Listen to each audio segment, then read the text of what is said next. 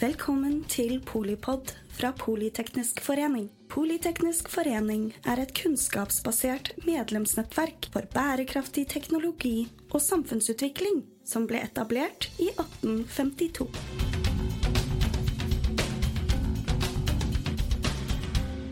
Folk opplever høyere bensinpris, inflasjon, generelt svært eh, økte levekostnader.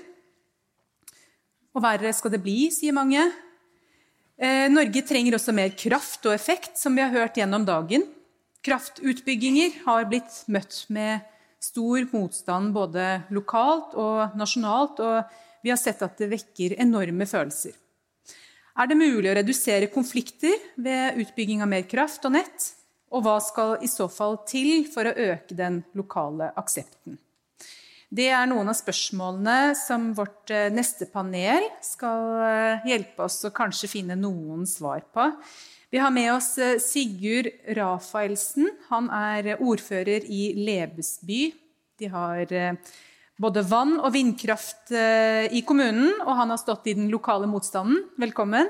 Og Sverre Godtås han har de siste årene ledet Herøya industripark og, og også vært medlem i Energikommisjonen. Tidligere også erfaring fra Statkraft. Karoline Andaur er leder av WWF og har jobbet med klima- og miljøspørsmål i WWF i over 15 år. Og Birgitte Ringstad Vartdal er konserndirektør i Statkraft med ansvar for Norden. Jeg tenkte å begynne med deg, Sigurd.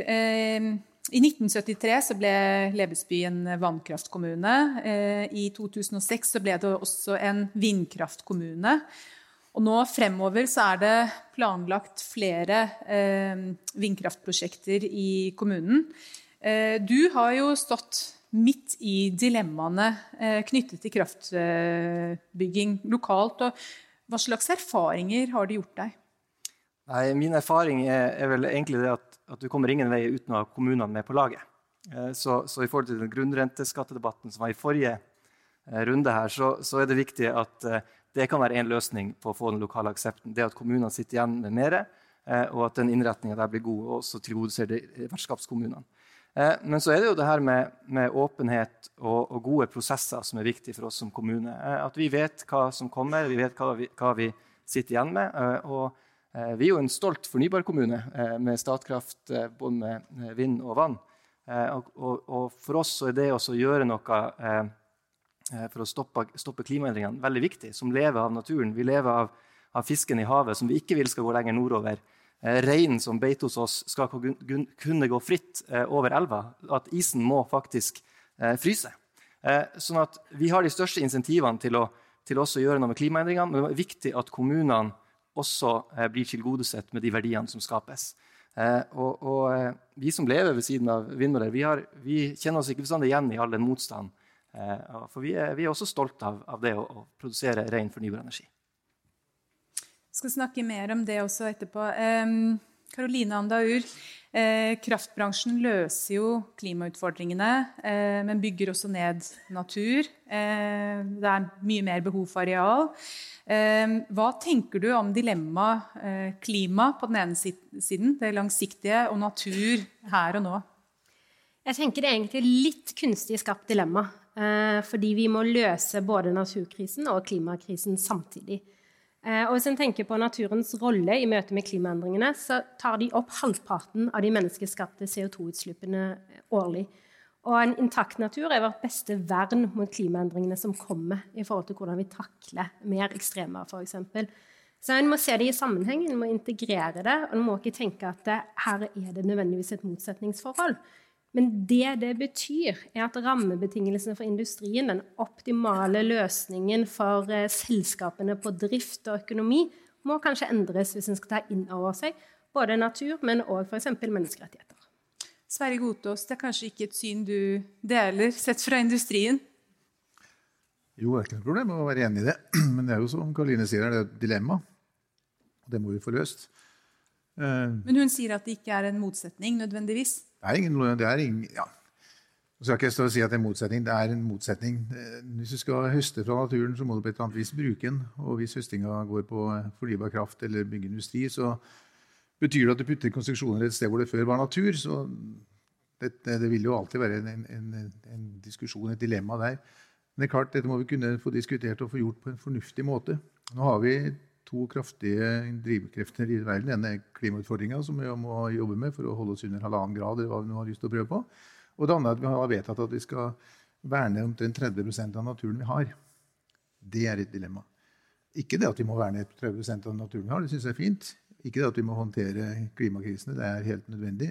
Men vi må finne måter å gjøre det på som gjør at vi som mennesker og resten av de som er på denne jorda, faktisk kan leve her videre. Og så vil det alltid være noen som går mer utover andre. Hvis det bygges en, en vindturbin på, et, uh, på en fjelltopp i Fosen, så går det utover noen. Selv om ikke jeg som sitter med industrien i, i, på Herøya, ser noe til det. Og før var dette litt annerledes. Da bygde man gjerne kraftverk der fabrikken skulle stå. og da var det mye lettere å se koblinga mellom det du bygde, og det du skulle bruke den til. Nå blir dette så fjernt at det er vanskelig å få befolkninga med seg på å se at dette er et, eh, det vi bidrar til ved å stille vår natur til rådighet, bidrar til å løse en annen problemstilling. Mm. Birgitte Vartdal, som Norges største utbygger av fornybar, eh, tror du at dere vil få nok aksept eh, til å bygge ut nok kraft? Ja, nå har jo eh, statsministeren og andre her sagt at det skal vi få til. Jeg tror det, men det er krevende. Eh, så tror jeg at den debatten som vi har hatt her inne i dag, og som går en del steder, trenger også å løftes ut, slik at alle er med på den. At det er tydelig hvilke valg vi tar. At hvis vi ikke velger å bygge ut kraft, så har det også en konsekvens. Enten gjennom at vi må importere kraft, eller at vi ikke når klimamåla som eksempel. Eh, men det er mulig. Eh, vi må gjøre det på en skånsom måte.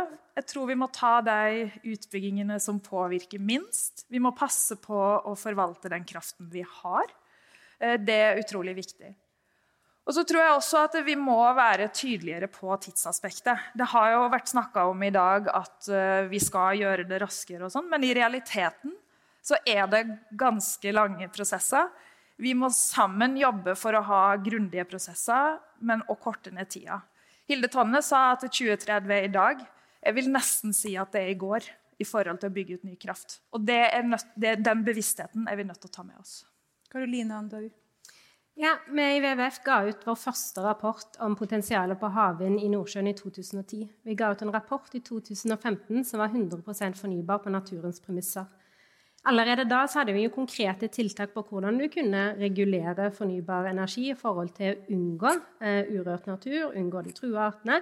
Men det òg til havs. Eh, men det gikk da på investeringer og kartlegge natur og investering i godt miljøregelverk.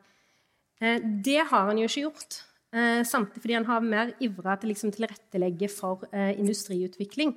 Eh, og jeg tror liksom, Hvis en skal komme videre nå, så må en jo liksom ha alle her i salen med på at eh, ja, vi skal investere i subsidier til havvind hvis en vil det, men hvordan kan en investere i naturkartleggingen og gjøre det parallelt? Her finnes det eksempler hvordan en gjør det i utlandet, men her i Norge så har vi hatt en veldig treghet i det, det, systemet. Så når vi nå skal skynde oss fort da, på fornybar energi, hvordan kan vi også skynde oss på denne naturkartleggingen og ikke vente at den skal komme i etterkant for å unngå konfliktene, for å unngå de verste utbyggingene? Og der må vi snu helt, eh, spesielt på myndighetene, på politikere nå, at det å investere i naturkartlegging, det å investere i de gode prosjektene, det er ikke en kostnad eh, som skal stoppe prosjekter. En naturkartlegging, eh, Sverre Gotaas, hva tenker du? Jo, For det første er det nødvendig, og det er noe man skal gjøre. Og så sitter vi nå med et voldsomt utbyggingspotensial og i hvert fall på politisk sett lyst til og vilje til å bygge ut uh, i havet. Og da er det en fantastisk mulighet til å i hvert fall starte riktig der. Så havet er jo også i bruk av mange. Ikke bare oss som frakter oss sjøl opp på havet og bruker, legger kabler og mye rart der under. Men det er noen som er der. Og den kartlegginga er såpass, etter min mening, så viktig og så sentral for å få igjennom at det er noe staten burde ta umiddelbart og begynne på de områdene de nå har lagt ut, og si at dette har vi en overordna plan for, dette tar vi ansvaret for å få gjort. Så jeg er i hvert fall sikker på at det blir gjort, og blir gjort på en enhetlig måte. Og så er det noe så enkelt at skal du ha mye energi fort, så må vi nok begynne å fortsette å bruke landjorda også. Og da er det vind på land som er den definitivt raskeste, hvis vi ser bort fra sol, som vi kan få til. Men ja, det er litt mindre potensial på, men vind på land er noe raskeste vi kan få gjort. Og Det er der jeg ser for meg at de store konfliktene vil komme om, og kommer til å komme. Og som det er politisk vilje til å ta de prosessene som skal til for å få folk til å forstå hva de holder på med. Én ting er at du bygger et vindkraftverk i Lebesby, da, og så kommer det en elektron eller to ned til Herøya. Det er vanskelig å få kobla de to sammen. Men det viktigste er jo, som Karoline også sier, hva er alternativ? Som Gita sier, hva er alternativet hvis vi ikke får denne krafta tilgjengelig. Vi skal, Energikommisjonen fikk med seg to kraftige rammebetingelser inn. Vi skal nå klimamålene med 55% innen 2030, og vi skal øke landeksporten med 50 Det Eneste stedet vi kan kutte 55% CO2, er i dagens verden. Du kutter ikke gram CO2 å bygge en ny fabrikk, du kutter å gjøre noe med det de har. Så mesteparten av dette må vi ta der allerede her. Det betyr at norsk industri for å snakke deres sak, må dekarboniseres. Og til det trenger de massive mengder grønn energi. Veien til det grønne skiftet er, det er brolagt med elektrisitet. Og det må vi få frem. Alternativet er at vi pga. CO2-toll og andre avgifter sannsynligvis da vil få færre og færre industriarbeidsplasser i Norge, som ikke nødvendigvis er en katastrofe, men da må vi ta den diskusjonen. Så det er umulig å stå her eh, og snakke om lokal aksept uten å komme innom Fosen-saken. Birgitte, hvordan, eh, hvordan, opplever dere situasjonen på Fosen, og, hva vil du si, eh, altså hva slags implikasjoner har den saken hatt for, for utbygging av mer fornybar kraft i Norge? Først og fremst så må jeg jo si at det er en krevende situasjon som, eh, som, vi tar på alvor. Og den er jo ikke minst krevende for reindriften, som har eh, stått i det her så lenge. Eh, nå er vi i et spor med megling som vi virkelig håper skal føre fram. Og så gjør vi vårt for det, men det er mange parter med i, i den meglinga. Og så vil jo selvfølgelig det her ha konsekvenser på sikt. Og jeg har vel noen refleksjoner om det også, men jeg har lyst til å fokusere på meglingen nå. Og så får vi i hvert fall fra vårt ståsted ta den debatten eh, når vi forhåpentligvis har kommet et steg videre der. Sigurd Rafaelsen. Ja, eh, nei, jeg, jeg, tror at Det som er viktig, er at kommunene blir involvert først. Det er den første du skal gå til hvis du ønsker å bygge ut vind i, eh, i en kommune. Eh, og hvis det er en kommune som har reindrift, så skal reindrifta også involveres med en gang. Og det er viktig å ha åpenhet og dialog om prosessen for å, for å skape eh, de beste løsningene. Kommunene har aldri vært dem som har stoppa vindkraftutbygging. Eh, kommunene er planmyndighet. Eh, Nå også har vi fått endring i, i planbygningsloven som gir oss som kommuner mer rettigheter. Det er bra. Ja, men det er viktig å, å da ta kommunene eh, med som en likeverdig part i, i, prosessen, sånn at man er, er, med på alle nivåer får hensyntatt de verdiene som kommunen setter høyt. Og vi har også ansvaret for å ivareta alle andre brukere og rettighetshavere eh, i våre arealer. Så, så, det å involvering er bra. Eh, og så tror jeg at kommunene aldri har vært stopperen, men, men, men når man kom med nasjonal ramme, så var det en stopp for vindkraftutbygging. For da fikk alle trodde man ble påtrengt vindkraft der man ikke ville ha det. Og Det var det også Eh, forrige regjering som, som, gjorde. og Det var det som også var med og bygde opp motstand. Mens nå gjør man grep hvor man gir kommunene tilbake mer makt. Man også tilgodeser kommunene mer. og Det tror jeg er veien å gå for at vi skal få bygd ut mer fornybar energi. Godtås, du var inne litt på disse dilemmaene. og eh, Det ser ut som at noe av vindkraftmotstanden har gått noe ned. Eh, men så er det hvis det er eh, altså, De sterkeste stemmene er jo i lokalmiljøet. Det er, det, er, greit så lenge det er langt unna. Men når det er, eh, når det er liksom på nabotomten, så er ikke så Da er man ikke så opptatt av det.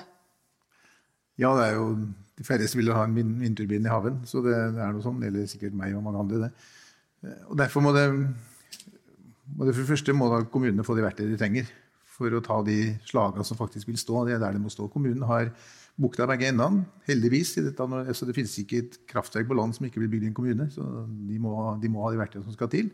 Penger er sikkert et av de. Men jeg tror også en del av denne prosessen som hvert fall politiske myndigheter på alle nivåer må, må bruke tid på, er jo også å forklare alternativene. For nå har vi liksom én ting, og det vi skal nå et klimamål som for de aller fleste er ganske diffust. Selv om det er varmt i Oslo i dag og blir varmere om to-tre dager, så har det alltid vært varmt av og til. Det kan hende vi må få det ned på bakken og si at for AS Norge som nasjon så er dette et valg om hvordan vi vil dra nasjonen vår fremover, hva vi skal bygge vår velferd på, hvor vi skal få inntekter hen. Det er det det går på. En eller annen gang kommer denne oljevirksomheten vår til å trappe ned. og Vi skal ikke bruke det som en trussel, men det er bare et rent fakta. Da skal vi fremdeles ha inntekter. og F.eks. industrien, som jeg selvfølgelig brenner for, den er da en viktig del å dra dette videre. Og hvis vi ikke bidrar til at industrien kan dra seg selv inn etter det grønne skiftet vi snakker om, så bidrar vi til å underminere en av våre muligheter til å opprettholde velstanden vår. Og Det er det diskusjonen til syvende og sist går på. Hvordan Norge vil vi leve i om 15-20 år? Hvor skal vi hente pengene våre? Hvor skal jobbene være? Mindre velstand, Karoline? Nei, men Det er ikke nødvendigvis ikke tilfellet. I dag så lever vi jo stort sett av oljefondet og renters rente der. Og det er viktig med påfyll inn der og skape som du sier, verdiskapende jobber. Liksom at ikke alle jobber i det offentlige. Vi skal ha industrijobber, og så kan vi velge hvor vi vil putte de. Så det betyr ikke mindre velferd. Og knytta til det så vil jeg si at Vi har en naturkrise, vi har en klimakrise, men vi snakker veldig lite om den tredje krisen. Er du et annet sted i verden nå, så snakker du om en rettferdighetskrise. Eh, fordi fordelingen av goder er skjevt. En opplever dyrtid veldig forskjellig. Og en ser blant unge nå òg en tillitskrise eller en sosial krise. Eh, og det ser vi i urbefolkningsgrupper over hele verden, der en har en tillitskrise, en har en sosial krise pga. at storsamfunnet har behandla. Det er en del av den aksepten en nå skal ha, enten om en driver med fornybar industriutbygging eller annen type virksomhet. Og det er den virkeligheten vi ikke helt kom til her i Norge.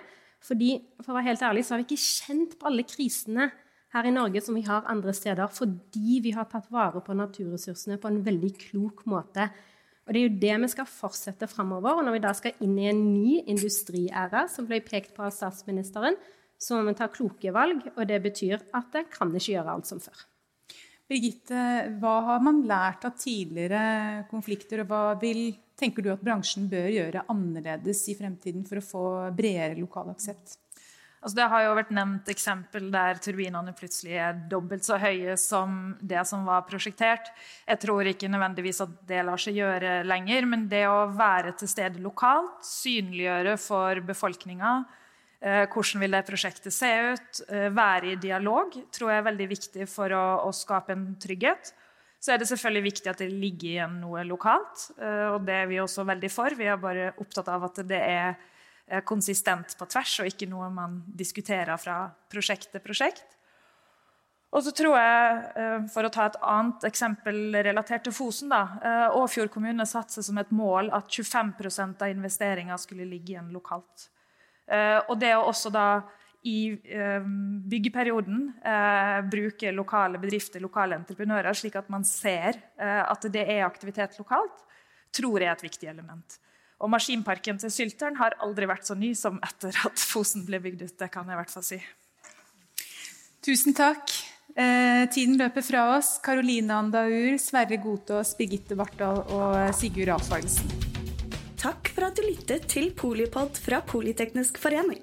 Få med deg flere episoder, eller bli med på nettverksmøtene, som du finner ved å søke at polyteknisk, eller gå på vår hjemmeside polyteknisk.no.